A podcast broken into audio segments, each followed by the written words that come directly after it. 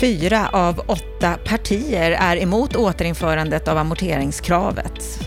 Lars E.O. Svensson han sågar nya finansmarknadsministerns syn på hushållens skuldsättning och en ny utvärdering av investeringsstödet den visar att stödet ger 2 000 kronor lägre hyra men det landar inte alls hos de som bäst behöver det. Varmt välkommen till veckans Aktuellt. Jag heter Anna Bellman.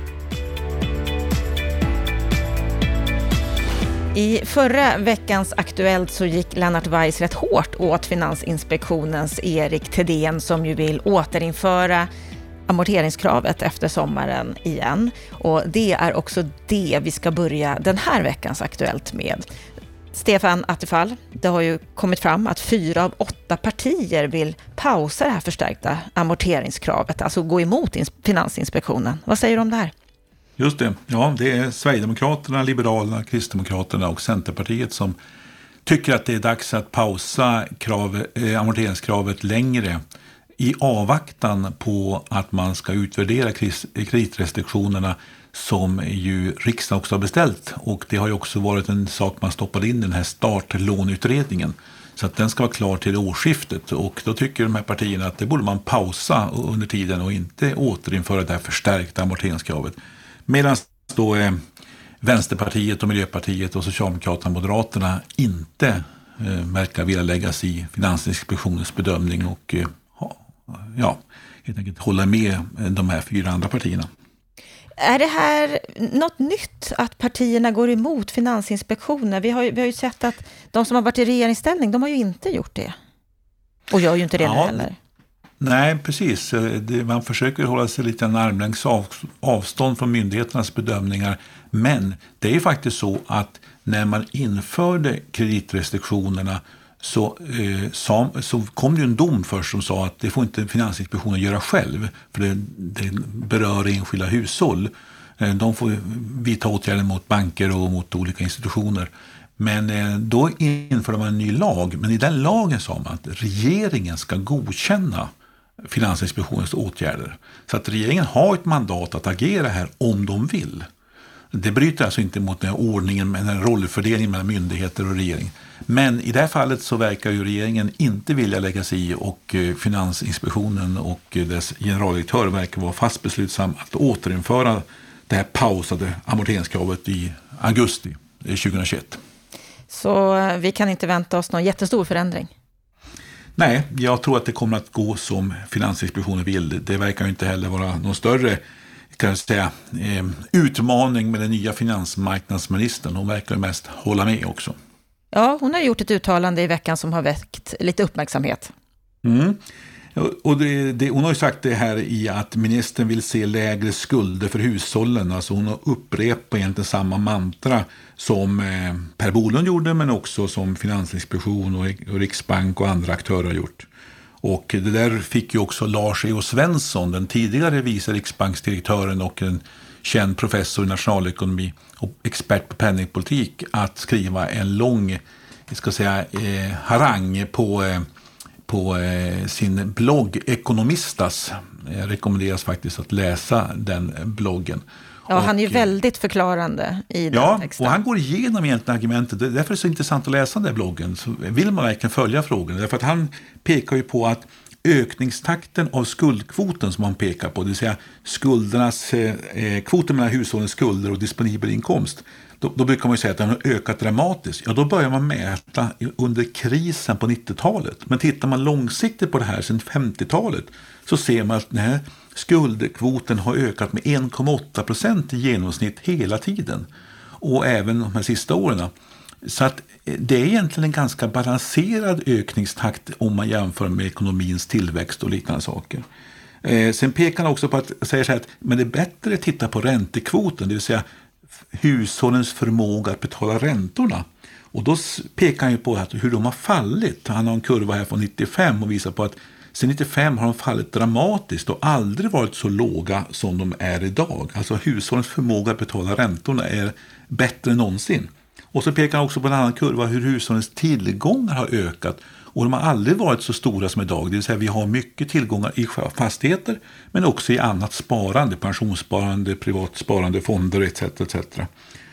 Och, och sen för ett resonemang också om det här med men vad händer då om räntorna stiger? Ja, räntorna stiger ju om det blir högkonjunktur och inflation. Men då har ju folk jobb och då stiger också förmögenhetsvärdena som exempelvis tillgångar på hus och eh, räntorna följer med det.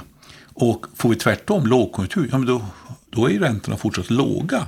Eh, så att den här ordningen om att vi skulle få både lågkonjunktur och hög arbetslöshet och stigande räntor, den existerar ju inte i sinnevärlden om inte vi ställer till det som vi gjorde på 90-talet med en fast växelkurs som vi försvarar med höga räntor. Ja, men då blir det kaos i systemet. Men vi har en rörlig växelkurs och vi har också en riksbank och centralbanker som är duktiga på att sänka räntor och öka likviditeten i ekonomin om vi får en kris i ekonomin som vi hade med finanskrisen exempelvis. Så att det finns egentligen inte riktigt den här oron som de pekar på. Sen ska man vara, ska man vara på alerten så att det inte skenar iväg och det händer uh, märkliga saker. Men det är inte alls det här alarmistiska som Finansinspektionen utmålar. Och det visar Lars E. Svenssons uh, diagram mycket tydligt på Ekonomistas. Men när nu vår nya finansmarknadsminister Åsa Lindhagen går ut och säger att hon gärna vill se lägre skulder för hushållen, är hon helt ute och cyklar då? Nej, så man måste hålla ögonen på det hela rent allmänt för systemets skull. Men sen finns det också ett problem för enskilda hushåll. Att man kan skaffa för dyra lån, man kanske inte har tillräckliga marginaler i sin ekonomi. Så att enskilda hushåll kan ju drabbas hårt av en felaktig skuldsättning eller för hög skuldsättning. Men då är det ett, ska säga, ett problem för de enskilda människorna. Det är inte ett systemproblem för hela svensk samhällsekonomi som debatten som Finansinspektionen för handlar om. Men att värna de här enskilda hushållen, att inte riskera att enskilda hushåll drabbas, är inte det en bra sak? Jo då, och det är ju bankernas jobb också. Jag menar, bankerna ska inte låna ut pengar till de som inte kan betala räntor. Va? Eh, och det är det som är bankernas egentligen kompetens att avgöra. Och visst, jag tycker också att vi ska ha en amorteringskultur, särskilt när vi har låga räntor. Men hur de här regelverken är utformade har ju blivit på ett sätt, alltså kombination av bolånetak, flera olika amorteringskrav, bankernas kvar att leva på kalkyler och en rad andra saker runt omkring har gjort att det blir just omöjligt eller mycket svårt för den unge, den som inte har så mycket kapital, att komma in på den ägda bostadsmarknaden. Och det gör ju att de som redan är inne, de kan låna och de kan förbättra sin boendestandard men också vara med om förmögenhetstillväxt. Medan de här andra som ska in på marknaden och börja sin resa, ja, de stängs ute och hänvisas till kanske nyproducerade hyresrätter som ofta är dyra. Eh, det är den fördelningspolitiska mekanismen som, inte, som är, som är åt, åt skogen i vad det nu, Sverige och som får då, ska säga, eh, stöd eller säga, förstärks av eh, Finansinspektionens agerande. Så att vi får alltså en växande klyftor kan man säga tack vare detta. Lars E.O. Svensson avslutar sin långa text med eh, meningen Det är uppenbarligen viktigt att den nya finansmarknadsministern i fortsättningen får korrekt information så att makrotillsynspolitiken beträffande hushållens skuldsättning förhoppningsvis kan förbättras. Mm. Och det är väl det som man har saknat lite grann, att politikerna gör en egen bedömning. Vad är en bra avvägning? Att myndigheterna har ett kanske mer ensidigt uppdrag, det är inte konstigt tycker jag. Eh, de ska titta på risker och de ska eh, ta fram de vapen, arsenal, alltså de, de, de verktyg de har i sin, i sin verktygslåda. Men politiken ska ju väga av vad är rimligt och vad är lämpligt och vilka andra aspekter ska vi lägga på det här och hur mixar vi ihop politiska åtgärder med exempelvis de åtgärder som Finansinspektion och Riksbank vidtar. Och det är det vi saknar och det är det Men som är vem, stora kritiken. Men vem ska Åsa Lindhagen lyssna på för att kunna fatta rätt beslut och göra rätt avväganden? Ja, hon ska lyssna på sig själv. Alltså hon är politiker. Hon är inte, hon är inte Finansinspektionens marknadsförare. Hon ska väga av vad, eh, hur rimligt det är. Det är ungefär som ett hushåll skaffar sig, alltså man kan säga att Finansinspektionen håller på med försäkringar, ska skydda oss mot kriser. Och ett hushåll skaffar sig brandförsäkring, hemförsäkring, liknande saker. Men hur hög ska hemförsäkringen vara? Hur omfattande ska den vara? Det måste hushållet bedöma.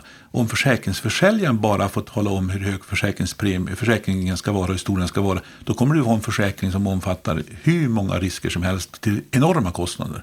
Och det är den här avvägningen. Vad är rimligt? Vad är en lämplig balans? Och hur ska vi mixa ihop de olika sakerna? Det är där politiken ska, ska göra sitt jobb. Och det är där politiken sviker hela tiden tycker jag. En eh, annan fråga som är väldigt stor inom politiken och som är ett kraftigt verktyg, det är ju investeringsstödet som får kritik i en ny rapport. Om det ska finnas kvar så finns skäl att justera villkoren, det skriver byggindustrin om det här. Det här är en rapport som Evidens har gjort just när det gäller investeringsstödet. Vad är det den här analysen av investeringsstödet handlar om? En jätteintressant rapport som går igenom hur ska vi säga, regeringens stora flaggskepp, investeringsstöd till att bygga nya hyresrätter, hur det har slagit.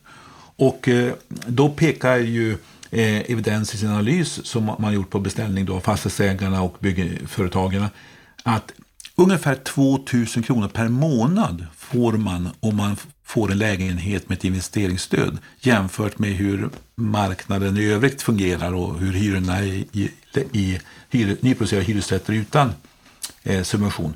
Men de här 2000 kronorna, då skriver eh, evidens här i analysen, verkar fördelas relativt slumpmässigt mellan hushållen. Man kan alltså inte se något samband mellan ekonomiskt svaga hushåll eller att det är grupper som är speciellt eh, utsatta på marknaden skulle få det här stödet. Utan det verkar vara till och med så att de som får det stödet, de unga som flyttar in med nyproducerade eh, hyresrätterna med investeringsstöd har oftast lite bättre till och med ekonomi än vad de andra ungdomarna har. Man ser, däremot ser man par som flyttar in, sambopar exempelvis som flyttar in, de kan ha något lägre kanske inkomst än de andra. Men då är lägenheterna, då styrs de mot att bli ganska små lägenheter också. Så är regelverken utformade.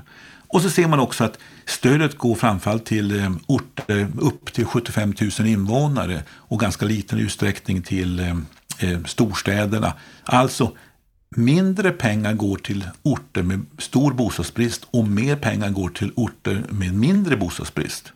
Och det är ganska intressant att se att de här fyra i topp, vilka får mest investeringsstöd, det har varit Upplandsbro, det har varit Kalmar, Örebro och Halmstad. Det är ju inte där kanske vi har upplevt den största bostadsbristen i Sverige, men där, där har de största pengarna gått till. Så att investeringsstödets konstruktion och karaktär är varken fördelningspolitiskt särskilt slukt utformad eller löser bostadsbristproblemen i första hand. Men däremot gör det att man kan bygga kanske hyresrätter på orter som man annars inte hade byggt på. Och så har hyrorna kommit ner en bit. Men de som får det, det är ofta de som stått längst i bostadskön. Vilket sällan är de som har sämsta ekonomin.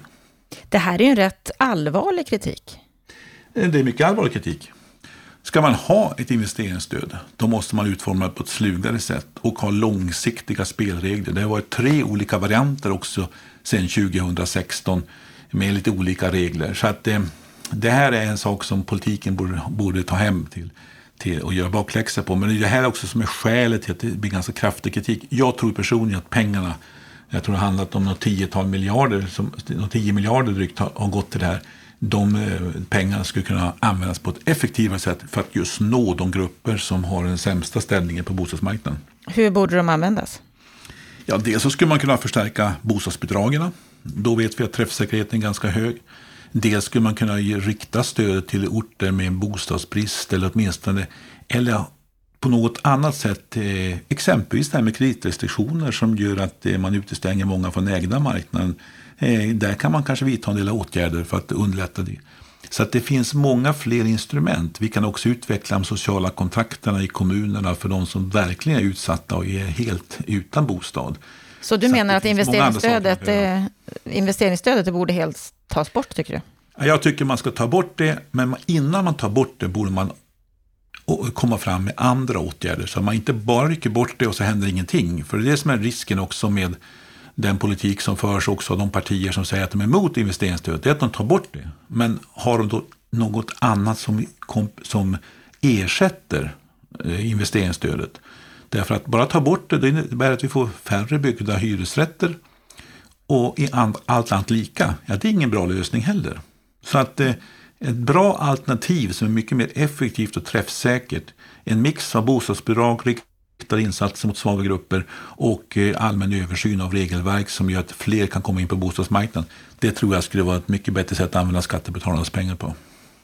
Byggindustrin har ju tagit upp detta, men det har inte kommit in i några stora medier, trots att det här är ett så kraftfullt politiskt verktyg när det gäller bostadspolitiken. Ja, Varför det har inte blivit större den här Nej, rapporten? Men, jag vill påstå att journalister kan inte bostadsfrågor. Det krävs att man läser in, förstår de här sakerna. Och det här har vi en brist. Vi, vi saknar ju specialiserade journalister idag som bevakar exempelvis bostadssektorn. Det är ibland någon person här och där på någon redaktion som har personliga intressen, tycker de här är intressanta saker. Då kan det hända en del saker. Men annars så blir eh, den journalistiska bevakningen ganska ytlig. Det handlar om vem är för eller emot regeringen i ett förslag. Eller det, det, blir, det blir ganska snuttifierat. Så att jag tycker att det här, är, det här visar på bristen på journalistisk bevakning av bostadssektorn också, att inte den här frågan har blivit större uppmärksammad. Kan det också leda till att politiken inte tar det här på tillräckligt stort allvar? Ja, det är ju samma effekt. Alltså, politiker är oerhört känsliga för vad som rör sig i mediavärlden. Och när det inte rör på sig i den världen, då finns det inget problem. Så resonerar tyvärr många politiker. Men eh, den här rapporten är faktiskt den mest gedigna och eh, bäst gjorda som jag har sett och som faktiskt har också kunnat utvärdera efter en viss tid så man kan se verkligen effekterna. En del saker visste vi om sen förut, men nu finns det mer dokumenterat och uppföljt och andra är en del ny information. Och det finns faktiskt konkreta siffror på det. 2000 kronor per månad alltså, det är ett kraftigt stöd till människor. Då borde de pengarna rikta sig till de grupper som verkligen behöver dem. Men det landar som sagt slumpmässigt hos hushåll. Man vet aldrig vem som drar vinstlotten och vem som inte gör det. Mer precis bostadspolitik, det är det vi efterlyser ifrån veckans Aktuellt den här veckan. Stort tack Stefan Attefall. Och stort tack du som har varit med och lyssnat med detta så önskar vi dig en riktigt trevlig helg.